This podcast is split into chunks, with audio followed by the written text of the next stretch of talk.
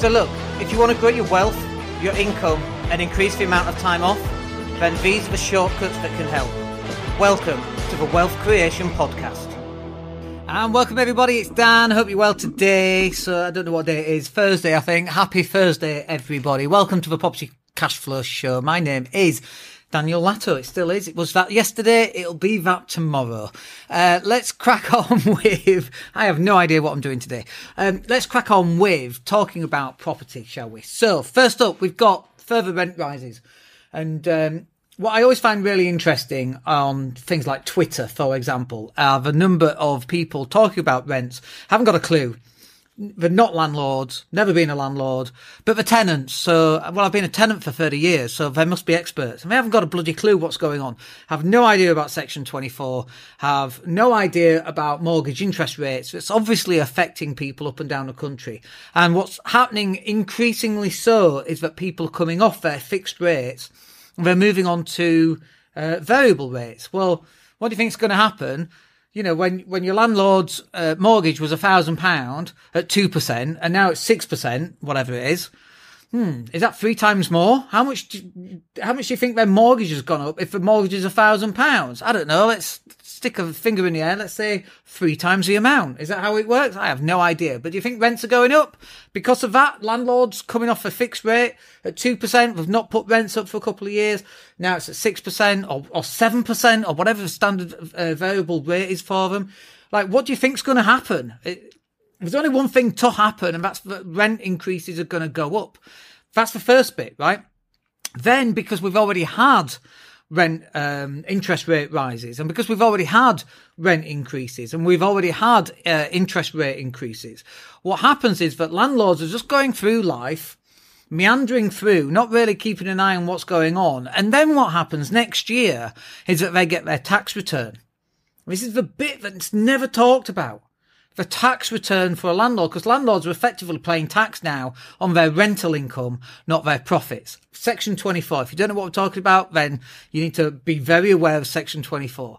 So landlords are paying tax on their income. And what's happening is that because for paying tax on income, it, uh, for uh, a lot of tenants, they're now paying 40% tax on their rent because the landlord is now liable for 40% tax instead of a 20 odd percent tax they were paying before. So now the landlord's paying twice in, as much in tax. So the landlord whose original mortgage was a thousand pound, let's say it's only gone up to two thousand pounds for a mortgage. Now they've put the rents up from say a thousand pound to two thousand pounds. Uh, and on a 40% tax on a thousand pounds to a 40% tax on two thousand pounds. It doesn't quite work like that, but they're very randomized figures, very approximate figures. Like, what do you think is going to happen? Rent rises. It's the only thing possibly that's going to happen. And we're all meandering through, just trying to get through Christmas. We're all waiting for a general election and hoping for the best. And yeah, uh, you know, mo- new mortgage rates, they're slightly lower than they were before, even though the Bank of England hasn't dropped interest rates. And I can't really see Bank of England dropping interest rates. But all that's going to happen is the landlord's going to get to the tax return their rents have gone up. They may have been pushed into a 40% tax band. And yet it's only, it's only, um, uh, income over that 40% tax band that's now taxable at 40%. But they've been pushed across that band, across the board. And the profits uh, are not there anymore in property because it, everything's gone up. The cost of plaster's gone up. The cost of the plaster has gone up. The cost of paint's gone up. The cost of fuel and energy for those HMOs, all that's gone up significantly. And now Landlords are also being pushed up because their interest rate rises have gone up and now their rents have gone up. And because the rents have gone up means their tax liability has gone up. And they don't know that until they do their next tax return. What do you think is going to happen, folks? Rents are going to go up through the bloody roof is what's going to happen. And then what's going to happen is the press will be all over it and Labour will all be all over it. And you know what language they're going to use? Greedy landlords push rents up again. It's like, no, no, no, no. That's not what's happening. It's not that landlords are greedy. It's that they're losing money. They're paying more in tax than profit they're earning. They're not even earning profit. They're just paying more in tax on profit they haven't made because of Section 24. And nobody ever talks about this. It's not on mainstream media. It's not on the BBC. I mean, the BBC are just useless anyway. Um, they don't even understand inflation. When we're in a supermarket talking about inflation dropping and asking um, people, have you noticed your prices dropping? Like clearly they don't even know what inflation means. So it's not there. It's not being discussed. And all that happens is that the people discussing it, the people hate landlords and then they call them greedy landlords and all the rest of it. And then we're just into yet more landlord bashing. And then guess what landlords are doing? Landlords are going, well, screw this. You hate me anyway. I'm just leaving, right? Uh, and because landlords leaving, we're going to talk about auction discounts, uh, shortly. Uh, but because landlords leaving, guess what happens then? landlords leave the market. There's more properties flooding onto the uh, market. The prices on those properties hasn't really dropped much. Um, you know, the prices that I sold some properties this year for 160 grand, they're still the same prices on the internet now. So prices haven't really dropped. People go on about, well, more landlords leaving. That's really good because they'll flood the market and then the prices go down. Oh, really? Because they've gone down, haven't they? No, that's not what's happened at all. Because a number of properties coming onto the market doesn't mean that people magically have these deposits available. It's just not what happens. And actually what happens is all these properties coming onto the market now, guess what happens to rental properties? Well, there's less of them. And people argue and they counter with it and go, yeah, but more first time buyers are buying. No, they're, they're not because they haven't got the deposits to buy with. How does that happen? They don't magically find it. So it's impossible for that to happen. All that happens is there's less properties available, there's more tenants looking for less properties, prices go up again. Perfect storm. We've been talking about this for a number of years now. And oh no, you're wrong, you don't know what you're talking about. Oh really? Is that why rents have gone up so much then? Because we don't know what we're talking about. 25 years we've been in this game. We, we know more than the average person. Uh, but uh, apparently we don't. Uh, anyway, Dan's little rant about uh, further rent rises there. It's happening, folks. We know it's happening. We had a one bed flat in Bradford and we had a family with five, uh, three children, five people wanting to rent a one bed flat. And it's like, no, it's overcrowded. I can't even put you in that flat. Even if I wanted to, which I don't, uh, I don't want to put five people into one bed flat. Why, why would I want to do that? It's just going to increase my um, risk of uh, overcrowding, getting fined, damages to property, uh, complaints from neighbours, and so on and so forth. No, I just want to put one or two people into that flat that it was built for in the first place, not five or six people. Anyway, uh, let's talk about serviced accommodation websites, shall we? Because we've just literally got off a phone call about serviced accommodation websites. Uh, a couple of things came up about that. Because obviously, I don't know if you know this, but booking.com uh, right now, and certainly recently, have really been struggling in paying their serviced accommodation uh, partners, shall we call them, but not just serviced accommodation, but hotel owners. They've really struggled paying them, and nobody seems to know why. Even Booking.com don't seem to know why uh, they are uh, unable to pay some of their suppliers. But it's definitely been happening. There's a group on Facebook called uh, Booking.com not paying their suppliers or whatever it's called. Uh, go find it. Uh, but so what's happened is a lot of people have then come off booking.com and they're now trying to just uh, create their own websites and failing in doing so. Because there's a couple of things that's needed if you're going to go down a booking uh, uh, uh, a bookings website service accommodation website process. So one of the things that you need is you need your website to be able to synchronize with Airbnb, for example. Otherwise, if you accept a booking on Airbnb and it's not updated your booking, and then you book a booking on your own website, now you've double booked. That actually can cause quite a few problems. So you want these two to talk to each other. You want the Airbnb website to talk to your website, and you want your website to talk to the Airbnb so they're synchronized. And then also you want your Airbnb uh, style website to talk to booking.com for those people that are still using booking.com so that y- your centralized website is always synchronized with Airbnb and booking.com. If you don't do this, you want to uh, you're going to end up kind of double booking and that's going to cause all sorts of problems. And then the other thing that you really want to do is you want to have like a little section on your uh, service accommodation website for places to eat. Mean, maybe you get a discount or it's an affiliate code, takeaways, um, uh, uh, websites, uh, for uh, restaurant websites, that kind of thing. That should all be on there as well. And then you also want another tab with, you know, places to visit. So if there's castles nearby or if there's a theatre visits nearby, and that should be updated. You know, if, if, If you've got Dirty Dancing on at the cinema and your uh, service accommodation is just next to it, um, then you want an affiliate link for that. And you want to be posting out to your visitors, hey, have you thought about doing this this, this one weekend? Like you can make a bit of extra cash. So um, that should be on there. You should have all these images, even a video walkthrough. Like the thing that you want to avoid is surprises. So when someone turns up at your Airbnb and the bedroom's a little bit small, you want to be upfront about that. You don't want to be hiding it because what's going to happen is that if you hide the fact that your bedroom's a little bit small and when someone turns up, they're going to give you a bad review. And we, we know that booking.com and Airbnb, you know, your, that's your bread and butter is getting really good uh, reviews across the board. And so you want to make it as easy as possible for people to book. Um, and we call this frictionless, right? So in e-commerce world or website world, we call it frictionless transactions. And you don't want to have it so people, um, they put in the dates that they want to book and then they send it over to you and then you check, then you give them a price and then they go, yeah, that's fine. And then you send them a link and then they pay. They don't want to do any of that. They just want to look there and then. How much is it? Can I book it? Oh, look, it's £400 for four nights, £100 a night. I'm going to book it. I know what the check-in time is. It's 2 p.m. I know what the strict checkout time is. It's 11 a.m. That's what I'm going to book. And then I want an extra I want breakfast in the morning. That's an extra 20 quid. I want a towel pack. That's an extra 10 pounds. Whatever it's going to be, right?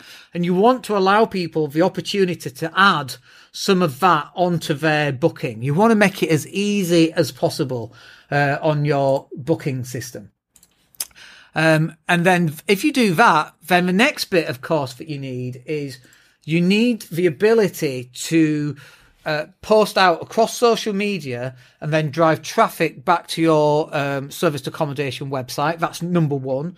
And then number two is you want to be writing articles about your service accommodation in Leeds. So let's say, for example, you've got uh, a short term let in Leeds City Centre and it's two minutes from the train station. You want to be writing lots of articles about that and embedding keywords into it as well.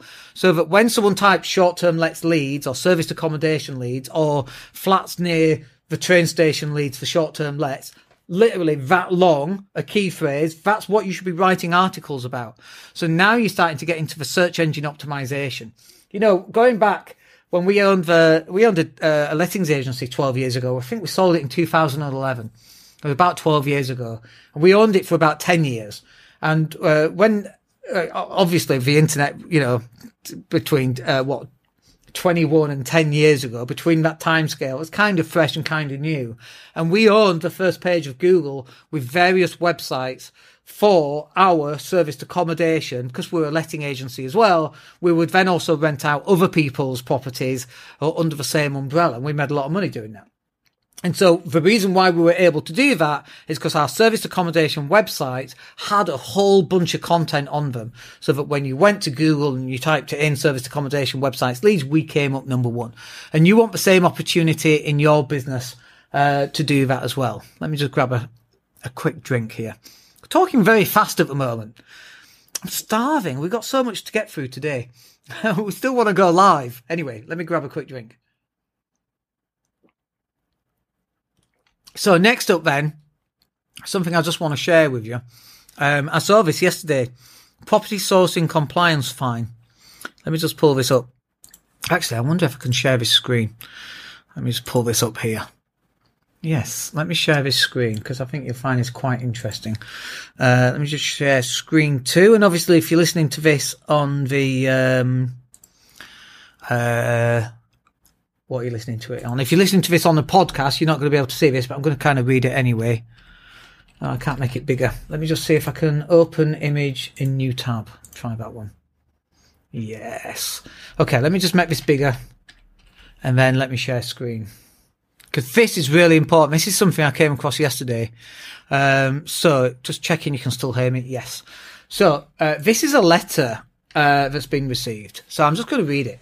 This is from HMRC um, economic crime supervision for money laundering, terrorist financing and transfer of funds information of a payer regulations 2017. Basically, this letter is to advise the business that I intend to issue it with a penalty of £1,350 for this breach after 30 days from the date of this letter. Um, up here. This letter is to advise that the business that I intend to charge uh, for penalty for trading whilst unregistered prior to its application. This is a breach of Regulation 56.5 in reference uh, of Regulation 55.3 of the regulations. HMRC will also charge a business a penalty administration charge. This charge makes sure that those who are compliant with the regulations do not pay for the cost of HMRC imposing civil measures. We cap the charge uh, at the level of 350 quid. Uh, so therefore, the total payable amount is £1,700. So when people are talking about um, property sourcing compliance fines. This is what we're talking about, folks. This is on the 23rd of March. It's this year. Oh no, I'm a co-sourcer. I don't need to have property sourcing compliance. It's very, very clear, folks, that as a co-sourcer, there's no such thing, right? If you're an employee of the business that is doing the sourcing, you're fine. But the government has very strict regulations as to what an employee actually is. And unless you're an employee, and you and I both know whether you're an employee or not, we know it, right? You know it, and I know it. Oh, well, I'll just call you an employee. You, that's not an employee, right? I, I feel a, a, little bit silly um, having to state that in such clear terms. But if you're saying, oh, well, we'll just say you're an employee, you're not really an employee, right? So if you're not, you are liable. You are opening yourself up to be fined in such a way. Um, so the person that shared this on LinkedIn, I asked them, can I share this? And I'm also going to put it in our, um, property sourcing, um, training program because I think this kind of demonstrates very well that they are on it. Not all the time, admittedly, not all the time. And you have to be very unlucky to get caught, but are you going to get caught at some point? If you speed at 120 miles an hour all the time, do you think you're going to get caught? Yeah. Do you think you're going to get banned and fined and all the rest of it? Yeah. Do you think you're going to have an accident and kill somebody? There's a good chance of that, right? If you speed every so often, those chances are less. And I'm not saying you should be speeding, oh, 70 miles an hour on those motorways like I travel. Sometimes I travel 71. You know, to overtake somebody, I travel at 71 miles an hour, like a truck. Uh, doing 50 miles an hour and another truck doing 50.00001 miles an hour on the dual carriageways. It takes them 14 hours to overtake. I'm like one of those trucks because I never go over speed limit, as you should never go over speed limit either, because we all are law abiding citizens, as you should be on your property sourcing compliance. But many people are not compliant and they know it, and you know it, and I know it, and we all know it, and you're going to get fined. The link to the property sourcing compliance program is just below, by the way. You should go and take a look at that. Let's talk about auction discounts, by the way. Obviously, we're heading towards December now, and obviously, interest rates have gone up, and obviously, uh, landlords are fed up. They're sick and tired of being picked on, sick and tired of being demonised, sick and tired of tenants. Uh, what is it with tenants?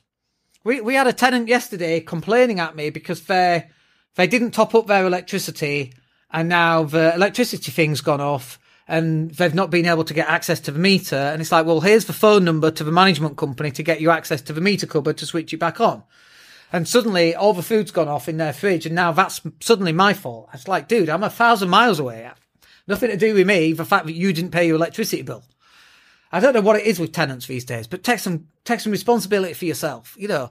Um, what else we got? We got uh, landlords putting properties back on the market and then it's not selling, and they're in negative cash flow on these properties, right? So they're now losing a lot of money.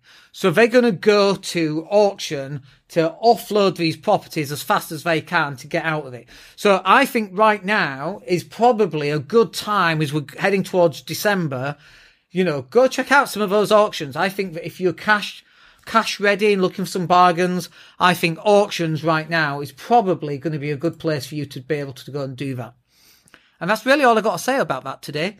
Uh, a very quick one, he says, coming in at 20 minutes, uh, but we're just absolutely rammed, so we're going to call it there. Uh, but I do hope that that's useful. If you've got anything you want to say, come and have a chat with me, and we'll catch up with you later on. Other than that, have a wicked day, and we'll speak soon. Hey, it's Dan here. Thank you for listening. Really appreciate each and every one of you. Please click like, or subscribe to the entire podcast.